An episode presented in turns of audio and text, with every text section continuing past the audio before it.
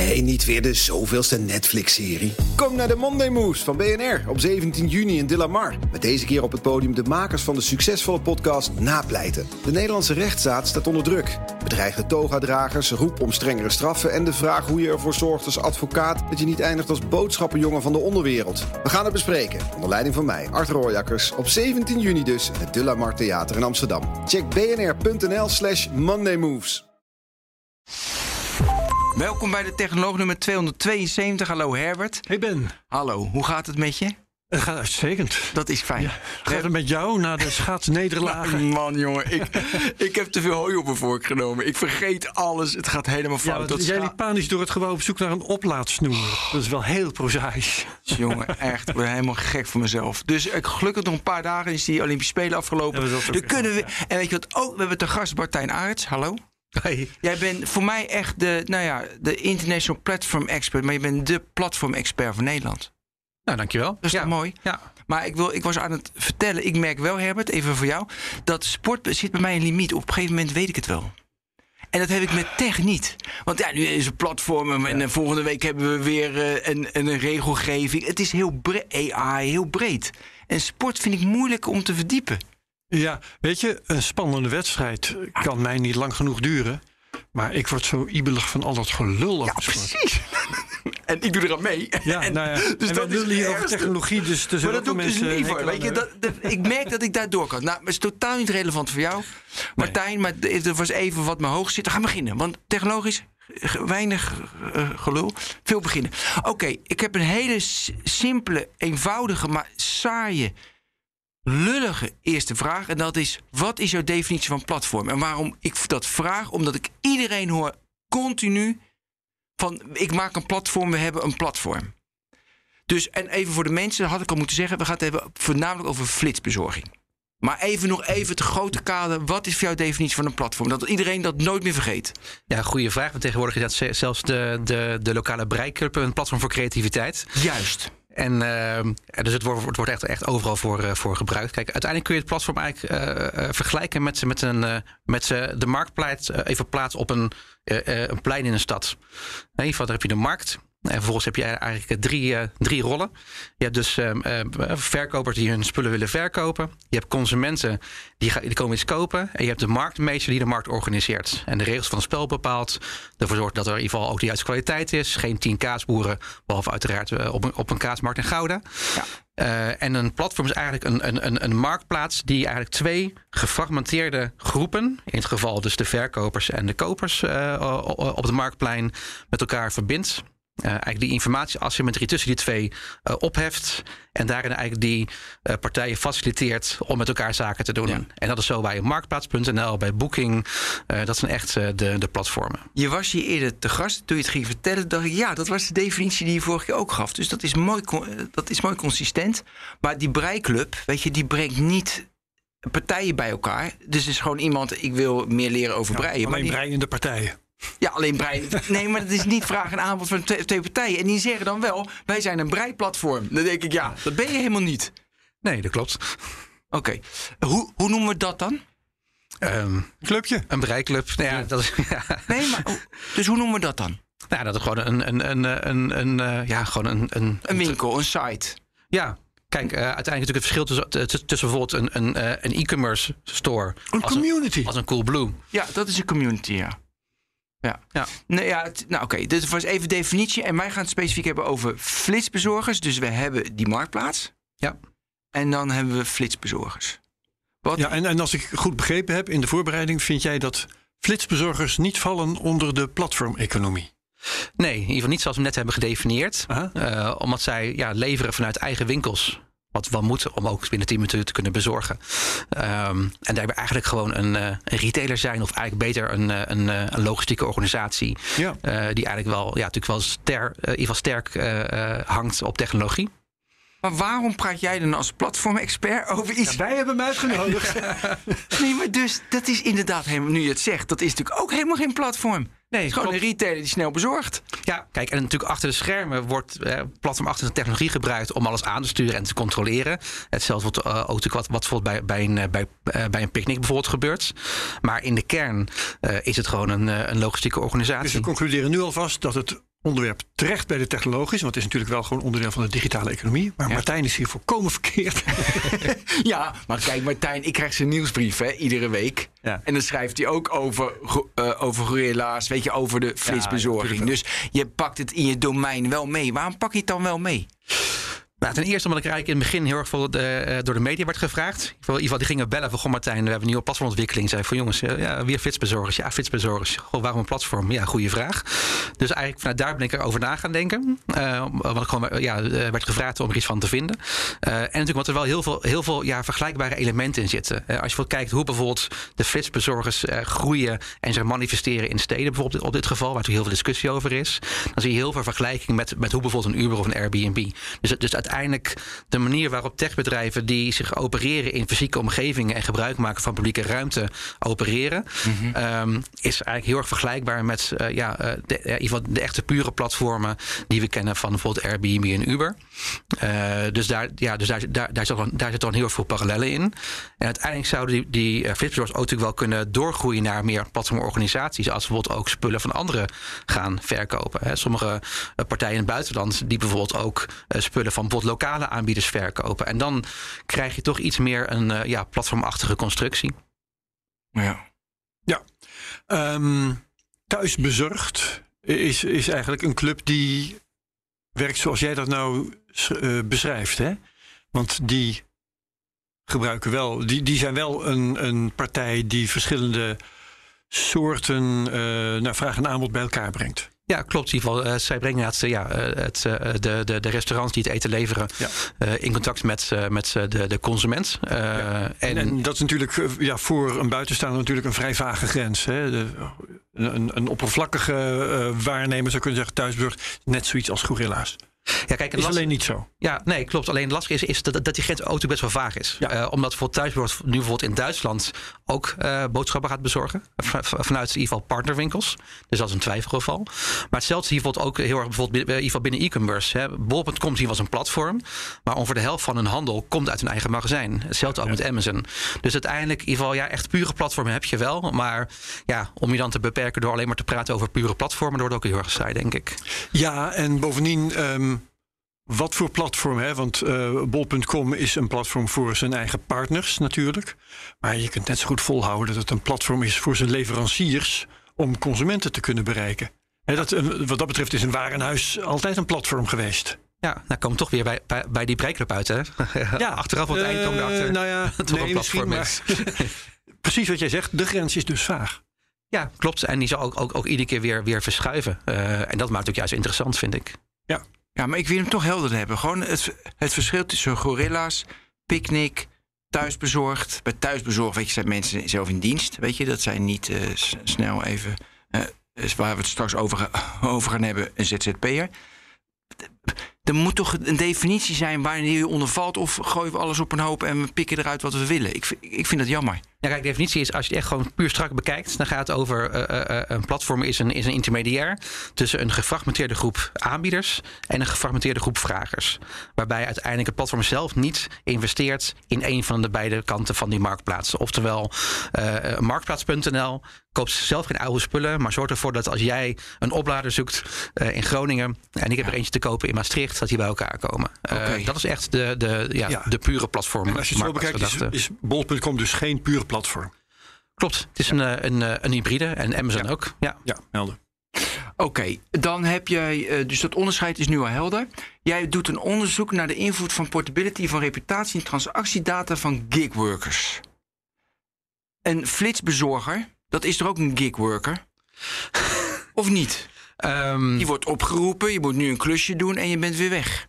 Ja, kijk, uh, gigwork gaat, uh, en, en, en, daar heb je eigenlijk verschillende variaties van. Uh, je, je hebt echt, weer, echt het, ja, we blijven de definitie. Ja, um, mag, mag ik even onderbreken? Want ja. ik denk dat je het mis hebt. laten we daar even mee beginnen. een, een bezorger voor Gorillas of uh, hoe ze allemaal heten mogen. Um, heeft, een, heeft, flink, ja, heeft een contract. En he, heeft, niet elke rit van zo'n bezorger is een aparte gig. Toch, Martijn? Klopt. Maar dat is weer anders dan bij Uber. Ja, nee, ja. ik heb hem. En ja. ook weer anders dan natuurlijk bij Thuisbezorgd. Ik heb hem. Maar. Ingewikkeld, hè? Nee, nog veel maar dat is. Ja, Ik denk dat je kapot gaat aan definities nu. Uh, waarom? ja. waarom? Omdat je namelijk uiteindelijk qua business natuurlijk heel goed na moet denken... welke elementen heb ik nodig om een toegevoegde waarde te hebben. Ja, kijk, en uiteindelijk gaat het erom, want inderdaad, hè, daarom dat ik ook zeg, ja, laat ook die definitie af en toe wat meer los. Uh, maar, maar denk wel, wel goed na over welke variabelen je meeneemt in de dingen waarover praat. Um, omdat uiteindelijk het meest interessante is, is natuurlijk om te kijken, ja, wat doen ze nou? En niet hoe noemen ze zich. Ja. Oké, okay, dan gaan we dus, wat doet een flitsbezorger? Een flitsbezorger die heeft Heel een winkel. Fietsen. Ja, en ze vragen aan mensen die hebben een contract. Hè? Ja, mensen met een contract vragen ze van... joh, wil je binnen 10 minuten ergens iets brengen? Nou, dat is toch top? Iedereen blij en gelukkig. Je kan heel snel je spullen bestellen. Behalve de gemeente. Was, uh, vandaag is, uh, even kijken, 15 februari geloof ik. 15 februari. Vandaag was nog op de, in, in het nieuws... dat ik geloof Groningen en Arnhem zich hebben gevoegd bij... alweer een hele rij steden... met natuurlijk de grote steden Amsterdam, Rotterdam, Den Haag... Uh, Utrecht en zo voorop... die er genoeg van hebben. Van die flitsbezorgers. Ja, ja dat is een van de nadelen. Die ja. blokkeren de stoep en ze uh, maken het verkeer onveilig. En, uh... Ja, ze, precies. Ze, ze be, bederven het aanzien van de straat met die darkstores. Fietsers fietsen te hard. Ja, uh, respecteren de verkeersregels niet. Nee. stoppen niet voor het stoplicht en noem maar op. Hoop narigheid. Allemaal ellende, Martijn. Ellende is jouw schuld, omdat jij de, pla de platform-economie uh, in de vaart en volkeren omhoog hebt gebracht. Nou, prima is dat. Nee, kijk, uiteindelijk. Um, wat de gemeenten hebben gedaan is, uh, uh, in ieder geval Amsterdam en Rotterdam nu dan, er een stop op gezet. Van de komende twaalf maanden mag je geen lokale magazijntjes meer openen. Geen magazijnen erbij, inderdaad. En wat eigenlijk daar het signaal is van de gemeente is... jongens, we hebben eigenlijk geen idee wat we hiermee moeten. Dus, we, we, we, weten niet hoe we dit binnen bestaande vakjes moeten, moeten, moeten, moeten proppen. Uh, en we kopen ons eigenlijk zelf twaalf maanden tijd om na te denken hoe dan wel. Um, en dat is eigenlijk nu wat er nu aan de hand is. Hebben jullie één moment? Ja. Want ik ga even iets laten horen. Um, want die uh, bezorgers die hebben ook een soort vakbond. En Martijn, hoe heet uh, die? dat Radical Riders. Radical Riders. Bedankt Daniel. En um, het account Radical Riders op YouTube had pas een fantastische video. Uh, dat wil zeggen, was niet om aan te zien, maar het was wel heel vermakelijk. Ik ga er gewoon even iets uit laten horen. En dat doe ik nu via mijn laptop. En misschien dat we in de montage het fragment nog even vervangen, uh, zodat het wat beter klinkt. Maar uh, luister even mee. Probleem bij gorilla's fietsen, nummer zoveel. Het stuur gaat vastzitten. Dan wil hij naar links, dan gaat hij niet meer naar rechts. Dat had ik net ook. En toen kreeg ik hem voor elkaar. En toen begon hij aan alle kanten te fonkelen. Collega's gaan op hun bek omdat hij halverwege de bocht in een vast gaat hangen. Leuk hè? Russische roulette. Super kut. Ah. Haalt al het plezier uit, uit mijn werk. Ja. ik moest er zo om lachen. Um, ja, dus en, en, en de, je ziet dan op een gegeven moment ook in die video, dit is maar een fragment, uh, zie je rijen en rijen fietsen. Echt tientallen fietsen die gewoon daar staan omdat ze kapot zijn. En niet meer gebruikt kunnen worden. Dus er is ook nog echt een probleem met het materiaal. Dat die. En, en, uh, wij als burgers hebben vooral last van het onveilige verkeer en geblokkeerde stoep en noem maar op. Maar de mensen die daar moeten fietsen, die hebben ook nog een keertje last van dat uh, zo'n bedrijf wel een hele mooie app kan ontwikkelen, maar niet, niet in slaagt om een goed fietsenpark in de vaart te houden. Nee, klopt. Kijk, in ieder geval, dat uh, merk je bijvoorbeeld ook... ook dat het verkeer weer onveiliger maken trouwens. Nee, klopt. Dat merk je ook bijvoorbeeld hier in Amsterdam destijds toen die deelfietsen kwamen. Toen natuurlijk ook een tweet van jongens, uh, dat krijg je als techbedrijven uh, zich bezighouden met fietsen. Een top-app en echt onwijs een nare fiets. Ik heb nooit in mijn leven op, op, op, op zo'n brakke fiets gefietst. En ik geloof me, ik heb best wel veel brakke fietsen gehad. Ja.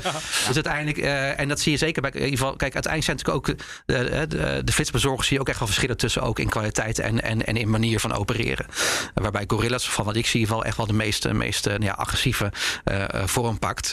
En eigenlijk ook heel erg veel. Hoezo de meest agressieve vorm? Leg dat eens uit. heel snel groeien, maar ah, ook voor lief nemen dat bijvoorbeeld bezorgers niet worden uitbetaald. En dan, en dan, dan als excuus geven, jongens, ja, sorry, maar ja, we zijn een snel bedrijf.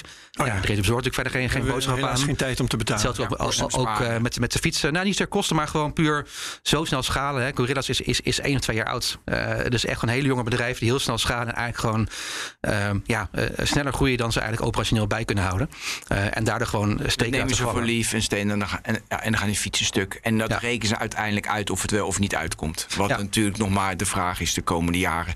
Wil ik straks even op terugkomen. Is nog even, hoe, hoeveel technologie zit er nu bij een Gorillas of bij een Flink? Dat is toch eigenlijk alleen maar de app?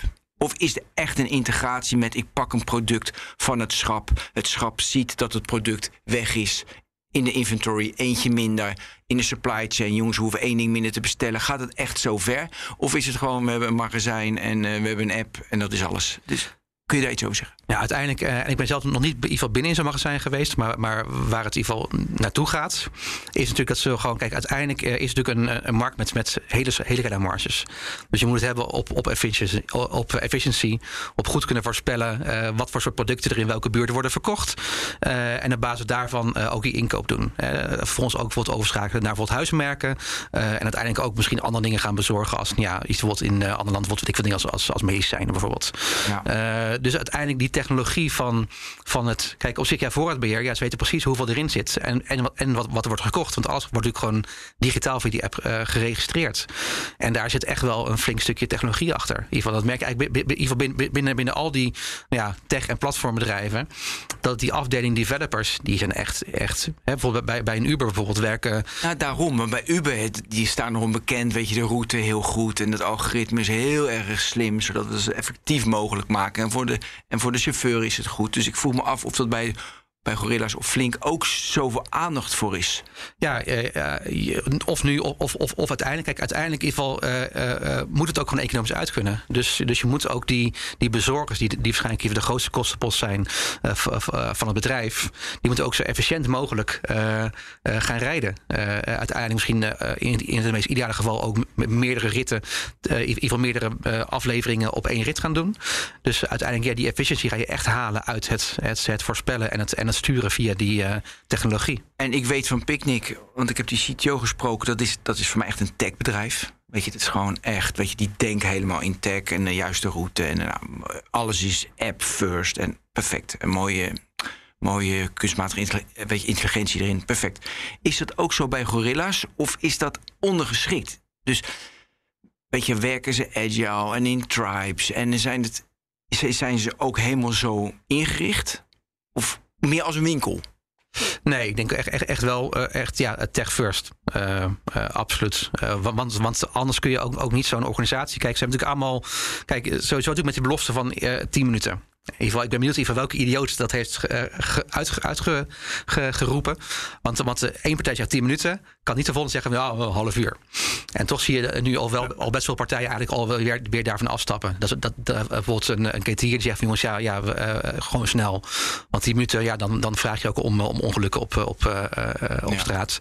Um, maar uiteindelijk in ieder geval om al die kleine winkeltjes en bevoorradingen. En uh, in één zo'n winkel werken gewoon 30, 40 man uh, voor de bezorging en, en, en voor andere logistieke diensten. Dus dat is echt gewoon een, een enorme organisatie. Ja, dat kan alleen maar wanneer dat ook gewoon automatiseert. Anders wordt het echt gewoon een bende. Maar ik heb, ik heb een vraag. We hebben het hier over inderdaad over optimaliseren, over automatiseren, over technologie. Um, en of het uit kan. Hè, nou, en, uh, je moet natuurlijk optimaliseren. Wil, wil dat überhaupt uit kunnen? Dat zeg je ook al. Maar um, het is eigenlijk heel makkelijk uit te rekenen. Daar heb je helemaal geen technologie voor nodig. Um, ze berekenen 1,80 euro kosten voor een bezorging. En zo'n bezorger krijgt 20 euro per uur. Dus als je dan een deelsommetje maakt, dan moet je een uur in uh, nou ja, ongeveer 10 partjes verdelen. En in die tijd moet het gebeuren. Je hebt per, uh, even die, die 1,80 afronden naar 2 euro. Hè? Dat is even voor het gemak. Je hebt dus 6 minuten uh, voor een bezorging. Klaar. In die dus niks 10 minuten. Het moet in 6 minuten. En uh, dat is inclusief uh, alle kosten. Dat wil zeggen, in die berekening zit nog niet eens meegerekend dat je die fiets moet betalen, dat je die fiets moet onderhouden. Dus het moet eigenlijk in veel minder dan zes minuten, want anders kan het helemaal niet uit. Ja, klopt. In ieder geval. En zeker. En met andere woorden, is het überhaupt een haalbaar verdienmodel? Zijn we hier niet gewoon bezig met, uh, hoe heet het ook weer, door investeerders gesubsidieerde innovatie uh, en veranderingen? Dumping. Dumping, is het juiste woord. Um, waarbij ze hopen op een monopolie op een zekere dag, uh, net als Uber, zodat ze de prijzen flink de hoogte in kunnen jagen, omdat we van hun afhankelijk zijn geworden. Ja, uiteindelijk, ten eerste, ze draaien aan mijn verlies. er is al, al, al, al, al, meer dan 14 miljard dollar in gegaan. Nou, dat is een hoop geld. Ja. Ehm, er zijn er veel, te veel. Ze zijn natuurlijk nu allemaal proberen om overal markten te veroveren. Want ze ook weten, uiteindelijk is er plek voor één of twee. dus ja, het is inderdaad überhaupt gewoon een, een, een hoge risicomarkt. Kijk, de vraag is ook, ja, wie is aan de concurrentie? Want je ziet bijvoorbeeld ook in heel veel landen dat bijvoorbeeld nu maaltijdbezorgers of gaan investeren in flitsbezorgers of ook zelf boodschappen gaan bezorgen. Of die gaan zich er ook even nog, nog mee bemoeien. En bijvoorbeeld de supermarkten zelf, die gaan ook reageren. Dus waarschijnlijk is het een soort van, van, van bloedbad waar, waar, waar, waar de komende vijf jaar echt gewoon miljarden euro's worden verbrand. Um, en de vraag is ja, wat er uiteindelijk uitkomt. En vervolgens wil miljarden verdiend door die partijen die overblijven. Wie, wie gaat dat winnen? Geen Je hebt nu de beste kansen. Ik weet het niet. Kijk, kijk weet je waarom? Ivan? Want enerzijds kun je kijken, goh, wie zijn nu de partijen die er nu op de markt opereren. Maar vervolgens kun je ook gaan kijken, goh, maar wie zijn dan bijvoorbeeld eh, de, uh, de uh, bezorgbedrijven? Maar even, die, die, die, die er nu zijn, dan hebben we even in Nederland de Jumbo en de Albert Heijn. Ja. We lachen, hè? En dan hebben we, dan hebben we Picnic. En dan hebben we de Gorilla's en de Flings en Just Eat Takeaway. En Uber Eats en Deliveroo. Oh ja, Uber Eats en Deliveroo. Oké, en die zitten natuurlijk in de groep van Just Eat. Eh, die zitten in thuisbezorgd hoek. Ja. Zitten daarin. Dus we hebben zeg maar de picknick samen. Nemen ze even, want dat is wel aardig voor ze. Met Jumbo en Albert Heijn. Dan hebben, hebben we Deliveroo. Nou, die noemde je Uber. En thuisbezorgd. En aan de andere kant die nieuwe partijen. Ja, kijk, en dan ga je kijken, maar wat zijn het eigenlijk voor bedrijven? En eigenlijk zijn het allemaal gewoon logistieke uh, bedrijven voor, voor, voor, voor, een soort van, van last mile logistiek in steden. Uh, want of ze nou een pizza bezorgen of die avocado, maakt het in principe niet uit. Dus, dus uiteindelijk zijn het eigenlijk allemaal vergelijkbare bedrijven. Zeker ook in de pandemie zag je uh, buiten Nederland dat heel veel van die uh, maaltijdbezorgplatformen, die we eigenlijk ja, vanuit hun, hun historie eigenlijk een naam hebben gegeven, opeens overal medicijnen gingen bezorgen, boodschappen gingen bezorgen, weet ik wat gingen bezorgen. Dus, dus uiteindelijk zijn het gewoon logistieke partijen die, die er zijn begonnen met maaltijden. Eh, een keer is ook een keer iemand volgens mij van de Deliveroo tegen mij van ja, we beginnen met maaltijden, want als je een maaltijd kunt bezorgen die warm aankomt, dan kun je alles bezorgen. Uh, maar uiteindelijk zijn het gewoon logistieke bedrijven. En, en, en ja, wat ze bezorgen maakt eigenlijk verder geen rol uit. Kijk, en dat maakt natuurlijk wel interessant, maar ook lastig ook, ook voor, de toekomst om te voorspellen wie dan daar een, eh, een, een marktleider in zal zijn. Maar jij zegt uiteindelijk zijn het logistieke bedrijven. Nee, want het is op dit moment gekoppeld aan uh, een soort supermarktfunctie. Ja, klopt. De, de supermarkt, uh, of ja, de, inderdaad het, het, levensmiddelenbedrijf, of hoe je het ook wil noemen, heeft zijn eigen bezorgdienst. En als je die zou loskoppelen, dan zou inderdaad, stel dat ze zou zeggen, we stoten dat af, want, want we gaan dat van buiten inhuren, we gaan het, hoe heet het ook weer, privatiseren, um, verzelfstandigen. Dan heb je inderdaad een pure bezorgdienst. Maar op dit moment is dat niet zo. Die, die zijn op dit moment nog aan elkaar gekoppeld. Nee, klopt. Uh, dus ze hebben dat ook, ook dat, dat klantcontact. Uh, maar als je kijkt in ieder geval echt puur naar de processen. Uh, en dat, dat, dat, dat maakt het ook lastig voorspellen van, van, van wanneer het voorbij is. Hè. In ieder geval neem van thuis bezorgd. op zich heb ik al een beetje medelijden met Jitsen. Nou ja, op zich niet. Ja, hij redt het wel, maar... Niet zo groen hebben we het over. Ja, precies. Ja. Hij is begonnen met, met thuisbezorgd echt als een verkoopplatform. Nou, dat is wat hij ook zelf aangeeft, echt een super lucratief model. Want ja, uh, vervolgens, ja, je, je maakt eigenlijk alleen maar de, de verkooptransactie. En vervolgens regelt uh, de, de eetgelegenheid regelt het eten en de bezorging. Nou, op een gegeven moment zijn ze ook een beetje gaan bezorgen. Omdat ze ook wel zagen, ja, dat is ook wel goed voor de, voor de zichtbaarheid. Maar uh, toen zeiden ze eigenlijk altijd van, god, dit, dit, dit gaat nooit meer dan 5% van onze bestellingen zijn. Dus maximaal 5% van alle bestellingen die via ons verkoopplatform gaan lopen, die gaan we zelf bezorgen. Waarom? Omdat bezorgen never, nooit economisch uit kan. En wij, en wij zien het gewoon puur als een marketinginvestering en zichtbaarheid. Maar ja, toen kwam de concurrentie van, eh, van Uber Eats en Deliveroo. En nu zie je dus, in ieder geval waar Jitsen ook in de uh, investor calls. Kijk, het mooie van zo'n beursgenoteerd bedrijf is. Ze hebben gewoon investor calls die gewoon, die gewoon kunt afluisteren. Dat is gewoon openbaar ja, informatie. Ik zowel van Apple en van Facebook en alles, maar niet van Just Eat Takeaway, sorry. Ja, ik wel.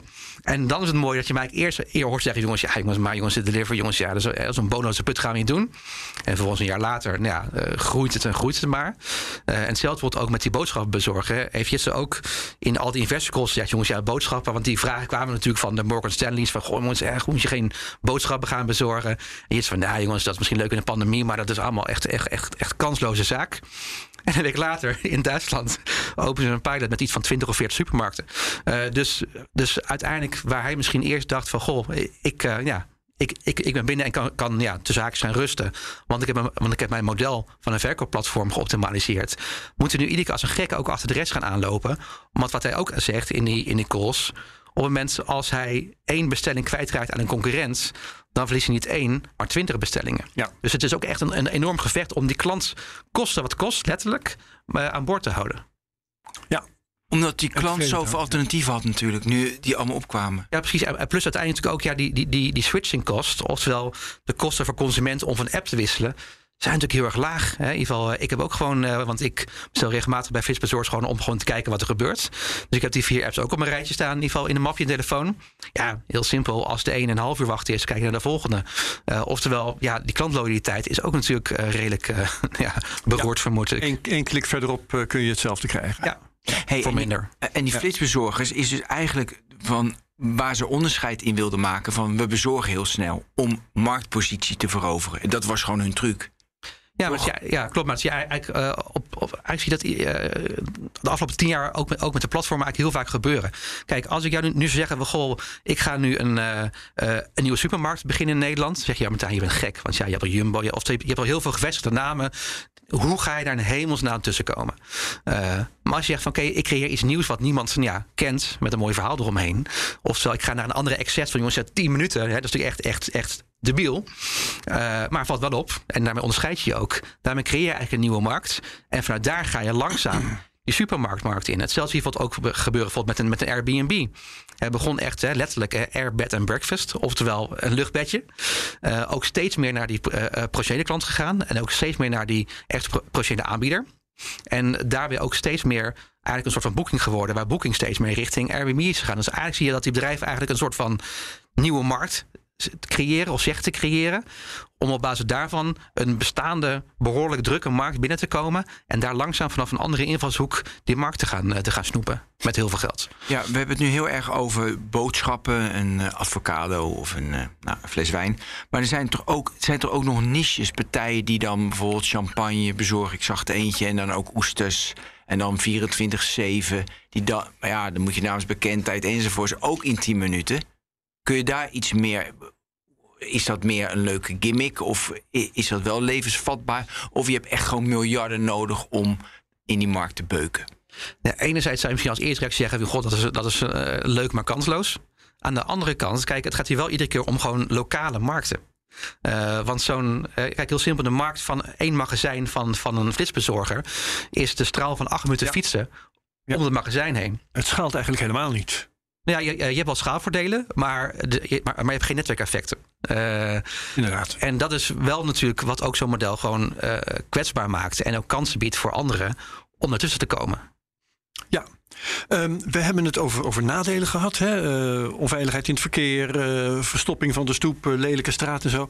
Wat voor um, voordelen brengt de flitsbezorging eigenlijk maatschappelijk? Maatschappelijk, ja. Goede vraag. Kijk, ik denk dat. Want we hebben het nu over uh, of je erin kunt investeren en, en, of het gaat slagen en zo. Maar wat hebben we eraan? Ja, kijk, uiteindelijk, en, en daarvoor moet je misschien flitsbezorging niet als een, als een losstaand uh, geïsoleerd fenomeen zien. Kijk, uiteindelijk zien we natuurlijk de afgelopen nou ja, 15 jaar een, een verandering in het, in, in, het, in, het, in het veld van hoe mensen consumeren. Ja, natuurlijk met e-commerce. We krijgen steeds, steeds sneller geleverd. Hè, same day delivery. Of nou ja, als je voor, voor, voor 12 uur bestelt, heb je het morgen in huis. Ja. Steeds meer dat we ook de, de, de bestelling ook uh, kunnen tracken. We zien precies waar die is. Uh, we accepteren niet meer even een mailtje van PostNL van goh, hij komt morgen ergens tussen 10 uur s ochtends en 10 uur s avonds. En dan komt hij 11 uur s avonds.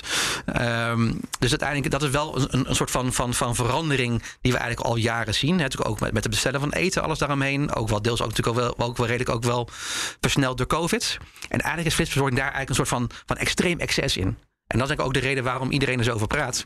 Omdat ja. het is iets wat, wat, wat we eigenlijk al jarenlang zien. Maar dit is nu in één keer zo'n extreme uitschieter. Dat het uh, ons opvalt. Uh, en daardoor ook nou ja, al die uh, mooie vragen erbij komen kijken. Maar als je zegt het is een excess. Dan is dat eigenlijk zoveel als zeggen het heeft geen voordelen. Nou, ehm, kijk, uiteindelijk is het natuurlijk aan de consument te bepalen wat hij wil. Uh, maar ja. en heel simpel, ja, en, en dat wordt ook natuurlijk wel deels ook wel nou, plus, gestuurd door heel veel geld. Plus de houdbaarheid, of de houdbaarheid, de, de, of, of, of, of het uit kan, zeg maar. Hè.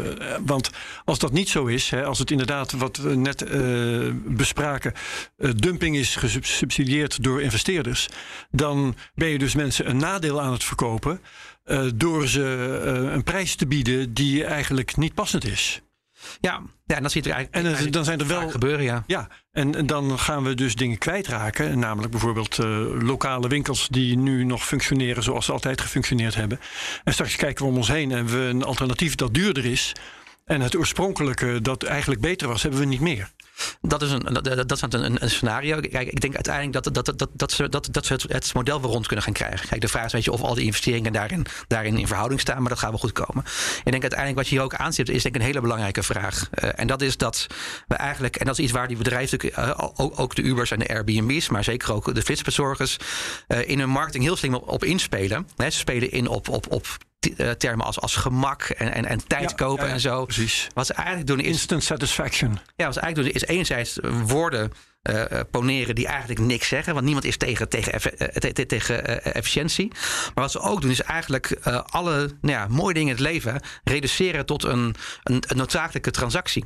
He, bijvoorbeeld bij Uber, Pop, he, de, de, de Uber-variant dat iedereen zelf taxichauffeur mag spelen in het begin. Wat zij zeiden is, op het moment als jij thuis op de bank zit, dan is dat onbenutte capaciteit. En dat kun je gaan, gaan door te gaan werken. Ja, jongens, ik vind het af en toe heel lekker, zeker als kinderen slapen, om thuis even lekker op de bank te zitten. Dus hetzelfde bijvoorbeeld ook met, met, met, met, met winkelen. Ja, daar zitten ook hè, bepaalde sociale contacten. In ieder geval hè, de, de, lokale retailers die ook, weet ik de voetbalclub sponsoren.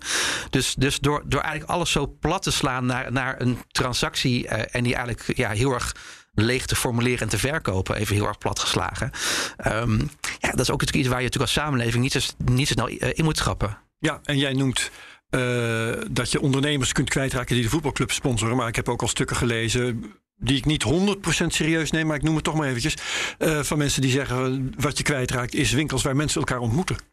Ja. En dan heb ik in de supermarkt nooit zo dat ik daarheen ga om mensen te ontmoeten hoor, eerlijk gezegd. Maar toch, er zijn mensen die, denk ik, die ja, daar voor wel, oudere mensen, die daar wel oudere mensen, ja, ja, ja, ja, vind dat heel prettig. Ja. En die lopen dan mij vreselijk in de weg, maar dat is een andere vraag. Dat is een andere, ja. Dus er zijn wel de, je betaalt wel degelijk als maatschappij een prijs als je dit toelaat. En dat is toch waar de discussie over zou moeten gaan, vind je niet? Nee, zeker. Hoewel het, eh, het, zal, het zal natuurlijk nooit het een of het ander zijn. Uh, het zal niet in ieder geval zijn, in ieder geval echt alle winkels weg. Hè. En dat bijvoorbeeld al jaren met e-commerce. Nee. En nog winkels hebben het moeilijk, maar alsnog zijn er heel veel winkels en, en, en moeten die een manier vinden om, om waar toe te voegen. Maar uiteindelijk, ja, dat, dat is natuurlijk wel uiteindelijk de vragen die je moet stellen. Kijk, uiteindelijk wat. Ja. Uh, ik, ik ben zelf oorspronkelijk marketeer uh, heel veel jaar geleden. En wat ik altijd zei, jongens, vertrouw nooit een marketeer. En dat is natuurlijk wel hetgeen wat je ook ziet gebeuren bij die platformen. In ieder geval die, die beloftes over efficiency, die worden gewoon, gewoon, gewoon zonder, na te zonder na te denken, gewoon door iedereen gewoon geëchoed, even uh, ja. uh, nagepraat zonder na te denken van oké, maar wat gebeurt hier nou? En, en, en wat is nou hetgene uh, ja, wat we daar ook als samenleving... en wat is ook bijvoorbeeld de, uh, de, de maatschappelijke kosten... die niet in de prijs zijn, uh, zijn verwerkt. Ik was pas in, in, in Haarlem op het station rond etenstijd. En ik kijk daar naar buiten. En daar was gewoon eigenlijk gewoon de, het, het, plein voor het, station, voor het station was eigenlijk gewoon de publieke wachtruimte van, van, van, van, van thuisbezorgd. Ja, ja. Er waren gewoon tien, tien van die oranje mannetjes op, op, fietsen die daar gewoon aan het wachten waren. Ofwel, dat was eigenlijk, eigenlijk, eigenlijk de, de wachtkamer van thuisbezorgd in de publieke ruimte. Nou, hetzelfde ziet ook, ook gebeuren bijvoorbeeld met het zallen van de fietsen, bijvoorbeeld van de flitsbezorgers. Uiteindelijk moeten we ook gewoon veel meer gaan nadenken over, ja, maar wat, wat zijn nou uiteindelijk ook echt de werkelijke kosten van zo'n, van zo'n dienstverlening? En, en, en ja, hoe verhouden ze zich tot, tot de opbrengsten? Ja. En hoe gaan we dat ook organiseren. En dat is ook echt iets wat duidelijk ook echt een opdracht ligt bij een overheid. En dat, en dat zeg jij nu terwijl we het eigenlijk al benoemd hebben dat er nu al feitelijke economische kosten zijn die niet eens verdisconteerd worden. He, want die bezorgkosten die, uh, zijn ten ene onvoldoende om de, de huidige model draaiend te houden. Dus er wordt gewoon geïnvesteerd. Um, dus mijn vraag aan jou is dan. Hoe kan de overheid, uh, want dat zal toch van de overheid moeten komen, denk ik, uh, ingrijpen op zo'n manier dat uh, A, die feitelijke economische kosten van nu, en B, die maatschappelijke kosten die nu in het hele model nog niet eens terug te vinden zijn, zoals de beslag op de publieke ruimte en verkeersveiligheid en noem maar op. Hoe kan de overheid maatregelen nemen zodat dat allemaal wel in het model verweven wordt? Ja, dat is een goede vraag. Kijk, als je het hebt over de economische kosten, ja, op zich is daar ook de flipbezorgd niet heel erg uniek in. Ik weet dat we vroeger weet ik veel, goedkoop telefoontjes konden, konden kopen met een duur abonnement erbij. Uh, oftewel, bedrijven zijn natuurlijk al sinds jaren dag bezig om, om, om bepaalde kortingen uh, en daar een verlies te draaien. Om het ergens anders maar weer daar is dus op een gegeven moment paal en perk aangesteld. op zo'n manier dat uh, bijvoorbeeld die hele goedkope abonnementen... die werden dan, werden dan genoteerd als lening. Ja. dus de, de overheid kan ingrijpen, heeft dat in dat geval gedaan. Hoe gaan ze het nu doen in dit geval? Nou, ik denk, ik, ik, denk, überhaupt is het goed om na te denken over. Ja, goh, wat vind je van, van, van partijen die net hun, hun, hun, hun handel uh, zwaar onder marktprijs en kostprijs verkopen. Puur met als doel om dus uh, markt te veroveren. Wat je ook bij Uber zeker in Amerika hebt gezien. Die, die hebben echt gewoon de markt echt gewoon kapot geconcurreerd. Uh, want ja, ze hadden toch geld zat. Ja. dus, dat is, dat, dus dat is natuurlijk zeker onwenselijk. aan de andere kant moet je gaan kijken van goh, hoe kun je bijvoorbeeld de blijkbare behoefte van, van, van ja, wat sneller je boodschappen bezorgd krijgen. hoe kun je dat op zo'n manier inrichten in een stad dat het ook uh, dat het wel werkt. Kijk, en daar zie je bijvoorbeeld dat bijvoorbeeld platformen bijvoorbeeld als een Getir al, al, al nadenken over, goh, weet je wat, als we een, een, een magazijn hebben, dan moet bijvoorbeeld wel de fietsen weet ik binnen kunnen staan. We gaan niet in winkelgebieden. Dus uiteindelijk zijn het gewoon de spelregels die, die, die gaat ja, af. Dat is die het maatschappelijke, af, uh, ja, precies. Maar ik vind nog steeds het economische, want ik vind dat voorbeeld van die telefoon heel interessant. Dat ja. werd een lening. Want ik zit het van nu deden ze 10 minuten. Maar ja, in principe is er onbeperkt geld. Je kan ook zeggen, we gaan dus echt onder de prijzen. We pakken in drie jaar de hele markt. En inderdaad, dan heb je, dat kan. Hè. We stoppen er niet. Nu is, gaat het voor mij 100 miljard in. En dan gaat er hup, 1000 miljard in. Want het is toch onbeperkt. En dan kopen we echt alles. En dan gaat de prijs omhoog. Ja. En dan uh, is de minimumprijs voor, uh, voor de, uh, hoe is de minimum prijs voor wat je koopt. En wat doen ze nog meer? Ze doen ook hoge prijzen natuurlijk. En bezorgkosten, die komen er ook bij. Dus alles wordt hoger. Hoe zou je dat kunnen doen? Hoe zou je dus, want dat kan economisch gezien. Ja, ik, dat is grappig. Jij stelt de vraag hoe zou je dat kunnen doen, terwijl mijn vraag eigenlijk was hoe zou je dat kunnen voorkomen? nee, je zou het kunnen doen, maar dan ja. hoe je het dan inderdaad. Nee, hoe moet je dat voorkomen? Ja, wat, wat, wat voor maatregelen zou je daartegen moeten nemen? Je kan moeilijk zeggen, 10 minuten. Ja, jongens, dat slaat. Nee, joh, jullie maken te veel verlies. Ja, er zijn volgens mij wel. Ik, ik, heb van de economische wetgeving niet alle verstand. Maar er zijn toch wel economische uh, wetten tegen dumping. En als je dit kunt definiëren als dumping. Dan heb je volgens mij al, al een begin van een zaak. Ik weet niet of jij daar verstand van hebt, Martijn? Nee, absoluut niet. Uh, maar, maar wat ik wel weet is, is dat het natuurlijk wel iets is ook van, van altijd. Hè. In, ieder geval, uh, in ieder geval toen de videorecorder kwam, hè, Betamax SP en VHS. Ja, uh, is, dat, is het uiteindelijk ook dat ze door de, wat waren het, de Japanners gewonnen. Wat die op een gegeven moment goedkoop videorecorders in onze markt gingen dumpen. dus op zich, dat is niet nieuw. Het enige is nu natuurlijk dat de schaal gewoon groter is. Hè? Dat we echt gewoon, ja, gewoon, ja. gewoon, gewoon tientallen miljarden. gevolgen ook. Precies, want, want dat, dat is, is natuurlijk überhaupt iets wat we eigenlijk kennen sinds Uber en Airbnb. Is, kijk, voorheen bevond de techwereld zich vooral online. Uh, dus, alle, dus alle dingen die, die misgingen. Oké, okay, nu weten we in ieder geval meer dan, dan zeg tien jaar geleden, bijvoorbeeld met Facebook bijvoorbeeld. Maar alle dingen die misgingen en alle experimenten die mislukten, waren online en, en, en hadden niet direct zichtbare impact op een fysieke uh, omgeving. Totdat ze op een gegeven moment ook met Uber en Airbnb en ook met flitsbezorgers opeens zich eigenlijk die, die mindset van, van technologie, oftewel gewoon dingen hè, proberen, uh, uh, uh, fouten maken, leren, maar wel fouten maken in een fysieke omgeving. En, en, en, en dat is ook iets wat, wat, wat we eigenlijk de afgelopen nou ja, zeg, acht, acht tot tien jaar natuurlijk veel duidelijker zien, waardoor ook de impact daarvan veel, veel groter is. Ja, ja. Um, op, op, op jouw vraag, Ben, ik zit er ook nog over na te denken. Um, je wilt, je, je wilt die strategie van investeerders wil je uh, eigenlijk doorkruisen, hè? Op een of andere, tenminste, ik weet niet of jij dat ja, wil, nee, maar ik wel. Nee, ja, dat nee, maar, open over zijn. Dus, nee, ja, goed, want je weet uiteindelijk. Hoe, zorg je ervoor is het dat ze maatschappelijk nadelig? Dat ze ons, precies ons uh, straatbeeld niet opblazen. Dus uh, bijvoorbeeld kun je het formuleren. Um, wat lastig is, is dat in sommige opzichten, denk aan die economische dumping, er zal de landelijke overheid op een of andere manier iets moeten doen. Terwijl wat we nu zien, is dat gemeentes optreden tegen bijvoorbeeld nou ja, de aanwezigheid van al die fietsers op, uh, op de stoep ja. en zo. Um, ik denk dat ook gemeentes vooral verantwoordelijk zijn voor uh, in hoeverre de politie optreedt. Tegen, want je kunt natuurlijk ook heel uh, je kunt de zero tolerance gaan, beleid gaan handhaven in het verkeer. Dat je al die fietsers die door rood rijden, maar dan heb je heel veel kotterbijers nodig die overal staan te loeren. Mm -hmm. um, maar dat is in handen van gemeentes. En je merkt nu dat die een heel gefragmenteerd beleid gaan. Want we, we somden er net een aantal gemeentes op die dingen zijn gaan doen. Maar het zijn lang niet alle gemeentes en ze doen allemaal wat anders. De een neemt maatregelen tegen die dark stores.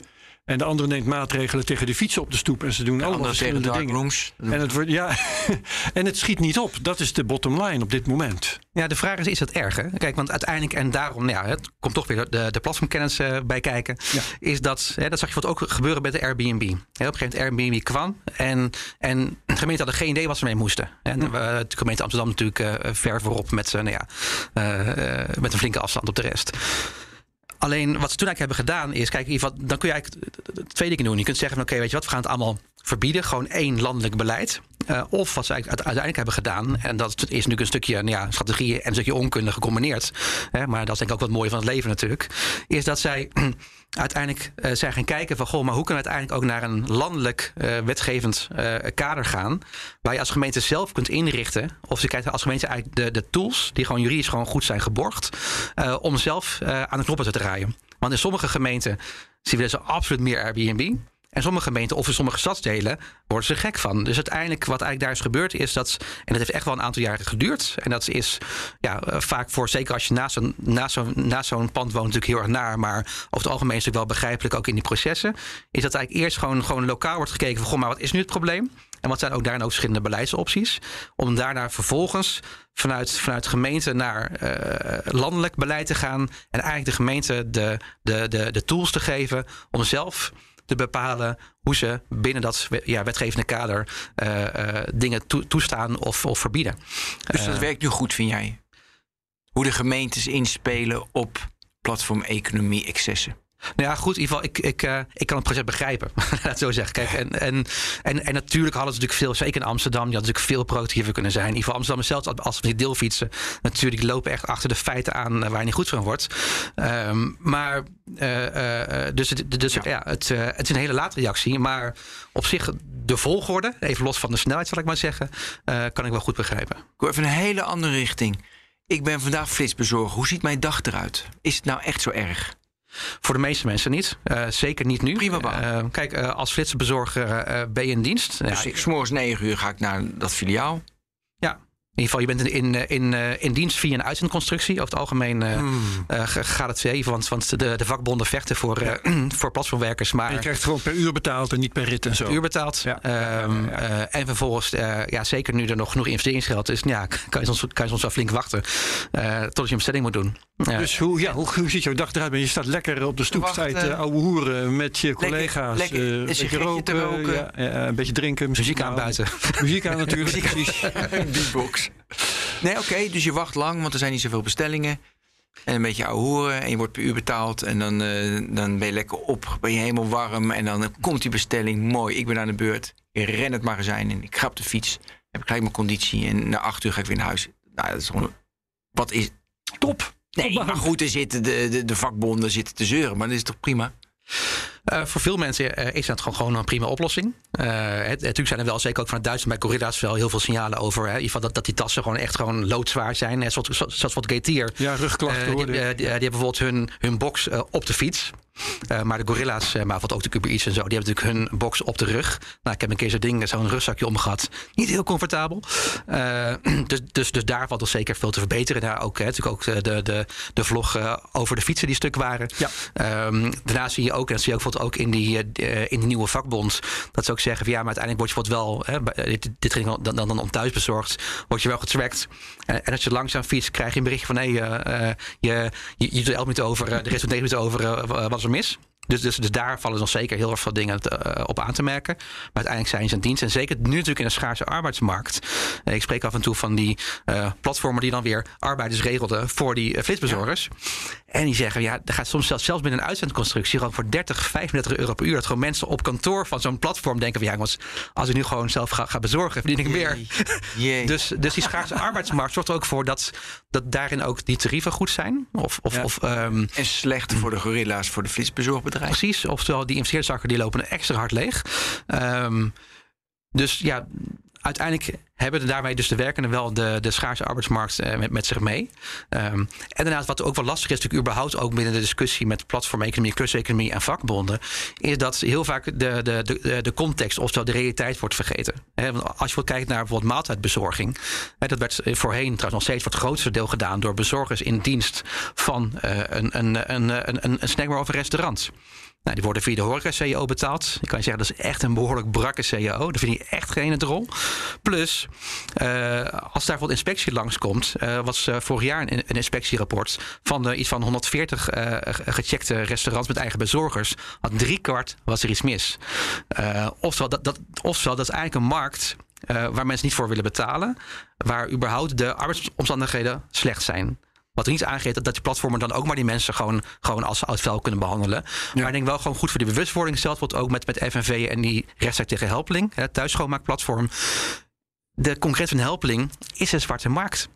En op het moment als jij dat als, als vakbond ontkent of, of negeert. Ja, ja, ja, ja. Um, dus uiteindelijk in ieder geval. Stimuleer je dat weer. Daarom, dus uiteindelijk in ieder geval wat uh, juist in ieder geval dit soort ontwikkelingen ook ons maatschappelijk meer moeten gaan uh, ja, opleveren. Is gewoon een meer fundamenteel debat over de waarde van werk. Ja. Want ook personeelbezorgers, ook heel veel gewoon met een, gewoon een, uh, in dienst hebben ook echt een, een, een, een salaris waar ze niet van kunnen daar rondkomen. Daar wij ons ook over trouwens thuis hoor. Die, die gasten die komen soms uit hun busje rennen. En smijten iets op de stoep, drukken op de bel en rennen al lang weer uh, terug naar hun busje als wij de deur open doen. Ja, dat is toch vreselijk? Ja, ja, ja. ja. Maar jij, um, jij riep ook iets bij me op met wat je net zei. Uh, het ging over het uh, uurloon. Ze krijgen dan uh, per uur betaald. Hè, maar dan is er intussen wel een app die in de gaten houdt of ze wel hard genoeg fietsen. Ja. En dat vind ik interessant. Want aan de ene kant is uh, stukloon iets uit de vorige eeuw. Nee, uh, dat is iets uit de 19e eeuw. En dat is terecht afgeschaft doordat we in de 20e eeuw vakbonden kregen. En die, ja, dat is natuurlijk belachelijk, want stukloon dat draait vaak uit op uitbuiting.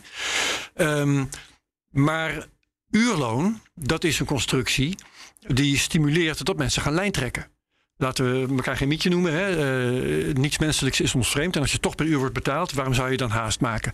Um, is het dan redelijk, ik vraag het maar gewoon aan jou, dat er een app is die in de gaten houdt of je wel hard genoeg fietst? Um, ja, goede vraag. Um, ik, ik, uiteindelijk uh, denk, denk dat je gewoon op zoek moet gaan naar de juiste balans. Mm -hmm. uh, maar, en, en dat is grappig, want een jaar of tien geleden riep iedereen, jongens, waar de onderzoeken van wat, wat wil je liever? Een manager als baas of een algoritme als baas? Iedereen ja, algoritme, want, want die zijn tenminste onbevoordeeld. Nou, hoe naïef we waren want nu is het eigenlijk in ieder geval die wantrouwende manager, die eigenlijk factor 10 zijn, zijn, zijn controledrift in, uh, in zijn algoritme heeft uh, gepland. En dat zie je ook, dat dit, dit ook natuurlijk een discussie is die veel verder gaat dan alleen maar flitsbezorgers of veel verder dan platformen. Uiteindelijk gaat het erover om, dat is ook weer de reden waarom ik vind ook dat, dat vakbonden ook vaak de plank misslaan. Ja. Want die vechten heel erg voor, voor het uh, contract, het uitzendcontract. Nou, daar weten we ook, ook daar gebeuren dingen die niet maatschappelijk oké okay zijn. Maar wat ze nou eigenlijk vergeten is juist ook elementen als bijvoorbeeld het algoritmisch management en het ja, surveillance management via technologie. Wat natuurlijk bij die tech-first bedrijf natuurlijk in ieder geval het, het meest aanwezig is. Maar zeker ook, nou, kijk in een coronapandemie. Werkgevers die uh, uh, screenshot maken met je camera. In ieder geval binnen examens waar, waar, waar, waar, waar software is om te kijken om jou in de gaten te houden. Oftewel technologie die eigenlijk de, de werkende aanstuurt gebaseerd op basis van wantrouwen. Ja. Dat is eigenlijk iets wat, wat we natuurlijk heel breed in ons systeem, in ieder geval in warehouses, overal nu aan het zien zijn. Wat, wat eigenlijk in je platformen uh, heel zichtbaar is, maar over het algemeen in de werkende ja, omgeving steeds vaker wordt gebruikt. En ik denk dat dat, dat, dat belangrijk is om daar juist ook. Goed wat over te hebben. Ik had pas, want jij zegt we moeten de balans vinden. Hè? En ik uh, las pas over een voorbeeld waarvan je denk ik gewoon objectief, bijna wiskundig kunt zeggen, daar is de balans uh, zoek. Dat was namelijk een artikel over die gast van Radical Riders, die um, activist zal ik maar zeggen, die ook ontslagen is bij mijn weten, bij Thuisbezorgd. Um, die kreeg in zijn app een melding en dat was iets als: jij hebt jou, jouw laatste rit was langzamer dan het gemiddelde, kun je dat uitleggen. Nou, en het idiote daarvan is, als je een gemiddelde hebt, per definitie, dan zijn er ook uh, ritten die langzamer zijn dan. Hè, sommige zijn sneller. Het is natuurlijk idioot dat je ze moet uitleggen om, uh, of waarom jouw rit langzamer is dan het gemiddelde. Want er zijn altijd ritten die langzamer zijn dan het gemiddelde. Anders had je geen gemiddelde. Ja. Daar gaat het dus fout. Ja, ja kijk, uiteindelijk de algoritmes, maar ook bijvoorbeeld met, met beoordelingen, hè, die ratings, neemt natuurlijk geen context uh, mee over, weet ik veel, uh, ongeluk gebeurt, iemand viel flauw, je hebt diegene even geholpen en vervolgens krijg je minder salaris. En, en daar zie je ook bijvoorbeeld ook vanuit Brussel nu heel veel uh, aankomend wetgeving, juist om bijvoorbeeld ten eerste gewoon transparantieverplichtingen aan te brengen in die algoritmes. Oftewel automatische besluitvorming, op basis van welke variabelen wordt die keuzes gemaakt ja. en waar kan je terecht wanneer je het niet mee eens bent. En dat zijn dingen die nu uh, in de aankomende wetgeving worden geborgd. Uh, oké, de vraag is natuurlijk oké, okay, de, de, de, handhaving, want dat is denk ik nog wel een dingetje. maar ja, ja. daar zie je wel dat daar aandacht zit. Want, want uiteindelijk, ik denk ten eerste moet je natuurlijk de discussie hebben over oké, okay, in hoeverre wil je het zo'n wantrouwend algoritme als, als, als, als, als controlerende entiteit hebben. Maar vervolgens ook via ook, ook het inzicht. Want juist de mensen, dat zie je wat ook heel erg gebeuren binnen uh, gigworkers in Amerika. Juist de mensen die afhankelijk zijn, die gaan eigenlijk heel erg ongelukkig worden. Omdat ze niet weten op basis van, wel, van, van welke variabelen die algoritmische keuzes maken. En dan daardoor eigenlijk alles volgens de regels doen. Waarom? Omdat ze bang zijn iets fout te doen en volgens hun werk kwijt te raken. Ja. Dus door daar eigenlijk al, al inzet en transparantie in te geven, verplicht door wetgeving, um, ga je al nou, in ieder geval uh, één dingetje wat, uh, Ja. wat beter maken.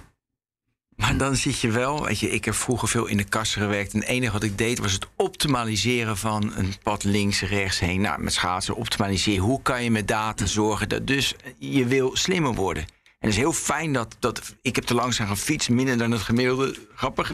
Maar je wil natuurlijk alles om dus nu is het van ja, wantrouwen, want ik moet sneller. Of, maar je kan ook denken van, ik vind een hele mooie, dus heb ik dat is een filmpje van een uh, distributiecentrum bij Amazon. En dan wordt allemaal camera's erop en dan maken ze analyses van hoe mensen daar bewegen. En dan maken ze analyses, hey, als je nu niet achter iemand, achter iemand langs loopt, maar voor iemand langs, dan hebben jullie, jullie je proces sneller. Nou zou ik zeggen, top, dankjewel. Weet je, dan werken we sli ja, slimmer, sneller, efficiënter.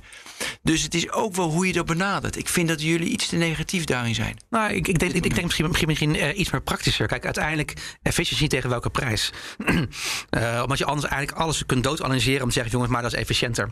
Um, en dan kom je uiteindelijk uit op die postbezorgers die onderweg in de fles moeten pissen, Precies, ja. omdat ze anders hun uh, target niet halen. Ja, klopt. Kijk, en, en, en waarschijnlijk binnen zo'n Amazon Center kun je heel veel winnen door dit soort dingen. Maar de vraag is een beetje, ja, maar wat is dan de prijs die, die, die je daarvoor betaalt? In ieder geval als mensen zich daar, daar die er werken heel ongelukkig voelen. Nou, ze bijvoorbeeld, hè, dat is een beetje die, die, die balans die mist. Klopt, want dat was een van mijn vragen nog. durven zijn. Met zo'n flitsbezorger, wat zijn, want heel veel geld in geïnvesteerd. Wat zijn nu de, de, uh, de key performance indicators? Dus waar meten ze op van denk van dit gaat goed, dit gaat niet goed. En ik kan me niet voorstellen dat ze denken van... hé, hey, een ritje is gemiddeld 7 minuten... en nu heb ik het zo geoptimaliseerd. Het is 6 minuten 41. Nee, het is veel meer van hoe het aantal uh, weet je, mensen bestellen. Wat is de gemiddelde prijs van de bestelling? Je, veel meer dat soort dingen. Heb je daar inzicht in? Wat heel belangrijk is om uiteindelijk door te kunnen groeien? Waar kijken ze naar? Nee, daar heb ik geen inzicht in. Nee, kan ik eerlijk over zeggen. Nee, ja, ik dacht dus het aantal bestellingen. We kunnen, we kunnen, we kunnen fantaseren. Aantal bestellingen, uh, hoe, het aantal, hoe hoog het is. En volgens mij is dat fietsen en die snelheid, ja, is ondergeschikt. Joh. Toch, ja, is leuk, is ja, marketing. Nou. nou, misschien dat kijk, ik denk uiteindelijk dat misschien is het in de resultaat ondergeschikt, maar uiteindelijk probeer je natuurlijk allemaal. Ja, moet je een, een logistiek van... bedrijf worden, zei jij. En dan moet je dat juist wel optimaliseren. Want een logistiek bedrijf ja. moet dat juist wel doen. In elk geval is het dat een knop waar. waar je aan kunt draaien. En de knop uh, ja. oponthoud in het verkeer, daar kun je niet aan draaien. Nou, het is interessant dat je zegt, want de kern is, het zijn allemaal logistieke bedrijven. Dus dan doe je alles om van A naar B zo efficiënt mogelijk te doen. Ja. Dus dat moet, dat moet, ja, dat moet optimaal zijn. Ja. Ja, en, en, en dan ook misschien een wat diepere vraag over die optimalisatie en, en, en efficiëntie. Ik denk uiteindelijk dat, dat we ook heel vaak, als je het over hè, die, die key indicators, dat we heel vaak um, een soort van schijn. Uh, zekerheid creëren voor onszelf. Oftewel, hè, we kunnen dingen meten, dus dan denken we: oké, okay, maar dan, hè, dan, dan klampen we daar ons vast. Terwijl, terwijl er eigenlijk gewoon uh, de plank volledig misslaan. Ik, ik, denk dat we juist in ieder geval misschien iets te veel ook vanuit die, die, die maakbare tech-gedachte denken: van oké, okay, we kunnen alles meten en op basis daarvan kunnen we bepaalde consequenties hangen. Terwijl we uh, daarmee ook heel veel dingen niet weten, maar toch een soort van illusie hebben dat we alles wel weten. In ieder geval, ik, ik hoop dat je weet waar ik nee, Ik snap je helemaal, maar nu heb ik van: heb jij een heel, een heel gaaf voorbeeld. Dat, het is natuurlijk moeilijk. Een voorbeeld dat wij hield vast alleen maar aan deze KPI's. En, de consequentie, en dat hadden we helemaal niet door, want dat hebben we ook niet gemeten. Heb je een voorbeeld van Uber of van Airbnb? Uh, niet zozeer geval van, van binnen het bedrijf, maar, oh ja, maar wel bijvoorbeeld de, de, de, de maatschappelijke impact van ja, flitsbezorging om even het cirkeltje rond te maken. Ja, He, Facebook bijvoorbeeld. Ja, bijvoorbeeld. Ieder geval, je ziet in ieder geval wel van oké, okay, uh, ja, ja, time ja, spend, time spend, time spend en niet time wel spend. Weet je, dus ja. dat is het. Ja. En met flitsbezorgers alleen maar. Ja, maar daar vraag ik af wat de KPI's zijn bij een flitsbezorger. Is het daadwerkelijk die 7 minuten fietsen of 6,41? Dus dat was nog een beetje. Oké. Ja, en kijk, uiteindelijk in ieder geval gewoon puur vanuit kostenperspectief. In ieder geval ze vast naar kijken. Ja, dus, en het is, waar, het is je, je selling point. Hè? Het is waar je reclame mee maakt. Het, het is meer een marketing tool, vind ik. Ja, ja, ja. ja. hey, en uh, ik had ook nog van. Uh, ja, zie je al, want heel veel negatieve berichten over flitsbezorging. Merk je ook in de binnensteden bewuste mensen of on, of onbewuste mensen die denken van ja, joh, dat is zo'n troep, dat heeft zoveel gevolgen. Ik, ik doe er gewoon niet aan mee. En die groep zal er vast zijn. Heel klein. Maar over het algemeen gaat gemak en prijs toch echt wel boven het moraal. dat zie je, ja, het ziet, het ziet ook overal gebeuren. In ieder geval, heel simpel. Wie, wie van jullie of, of van luisteraars betaalt zijn of haar schoonmaakster meer dan 20 euro per uur thuis? Nou, waarschijnlijk heel erg weinig mensen. dus uiteindelijk zie je in ieder geval dat daarin... Ik wou dat de schoonmaakster had, want ze is niet te vinden.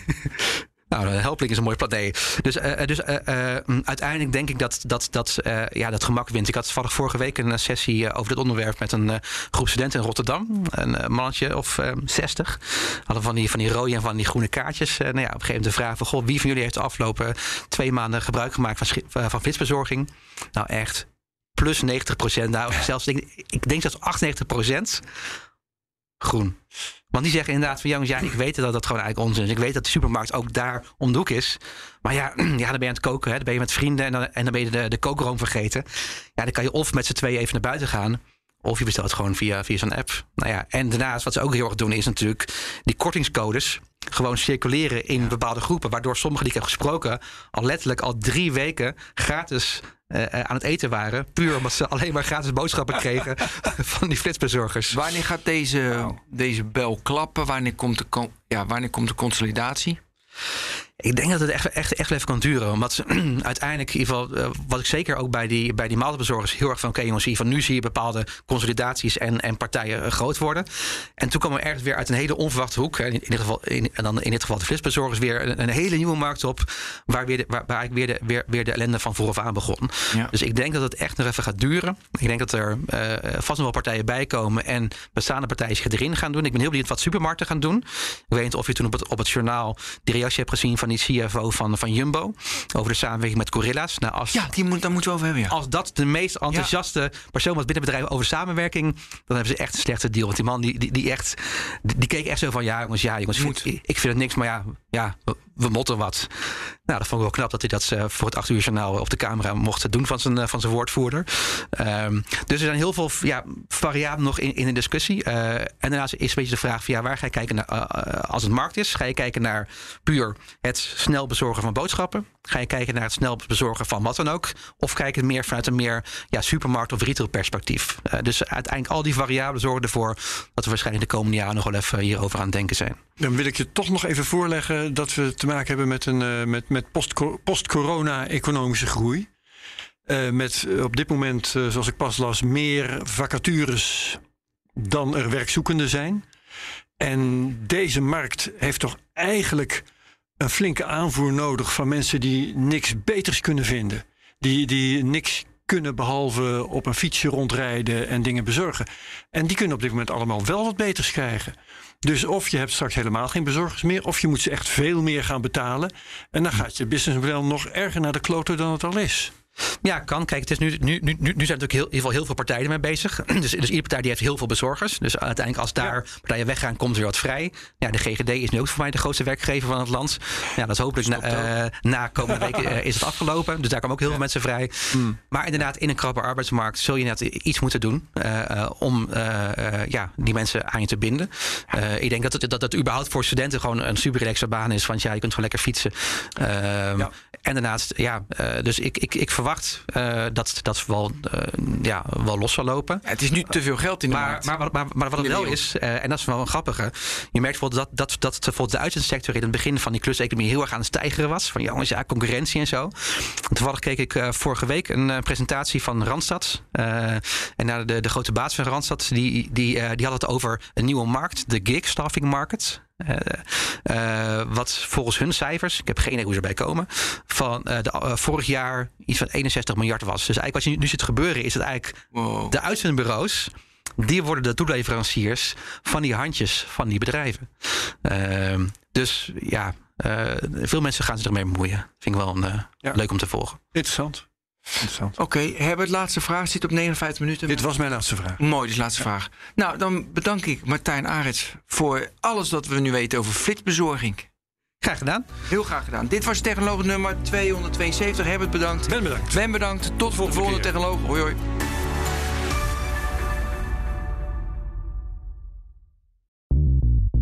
Bij BNR ben je altijd als eerste op de hoogte van het laatste nieuws. Luister dagelijks live via internet. Bas van Werven. En heel langzaam komt de zon op rond dit tijdstip. Je krijgt inzicht in de dag die komt op BNR, het Binnenhof in Nederland en de rest van de wereld. De Ochtendspits. Voor de beste start van je werkdag. Blijf scherp en mis niets.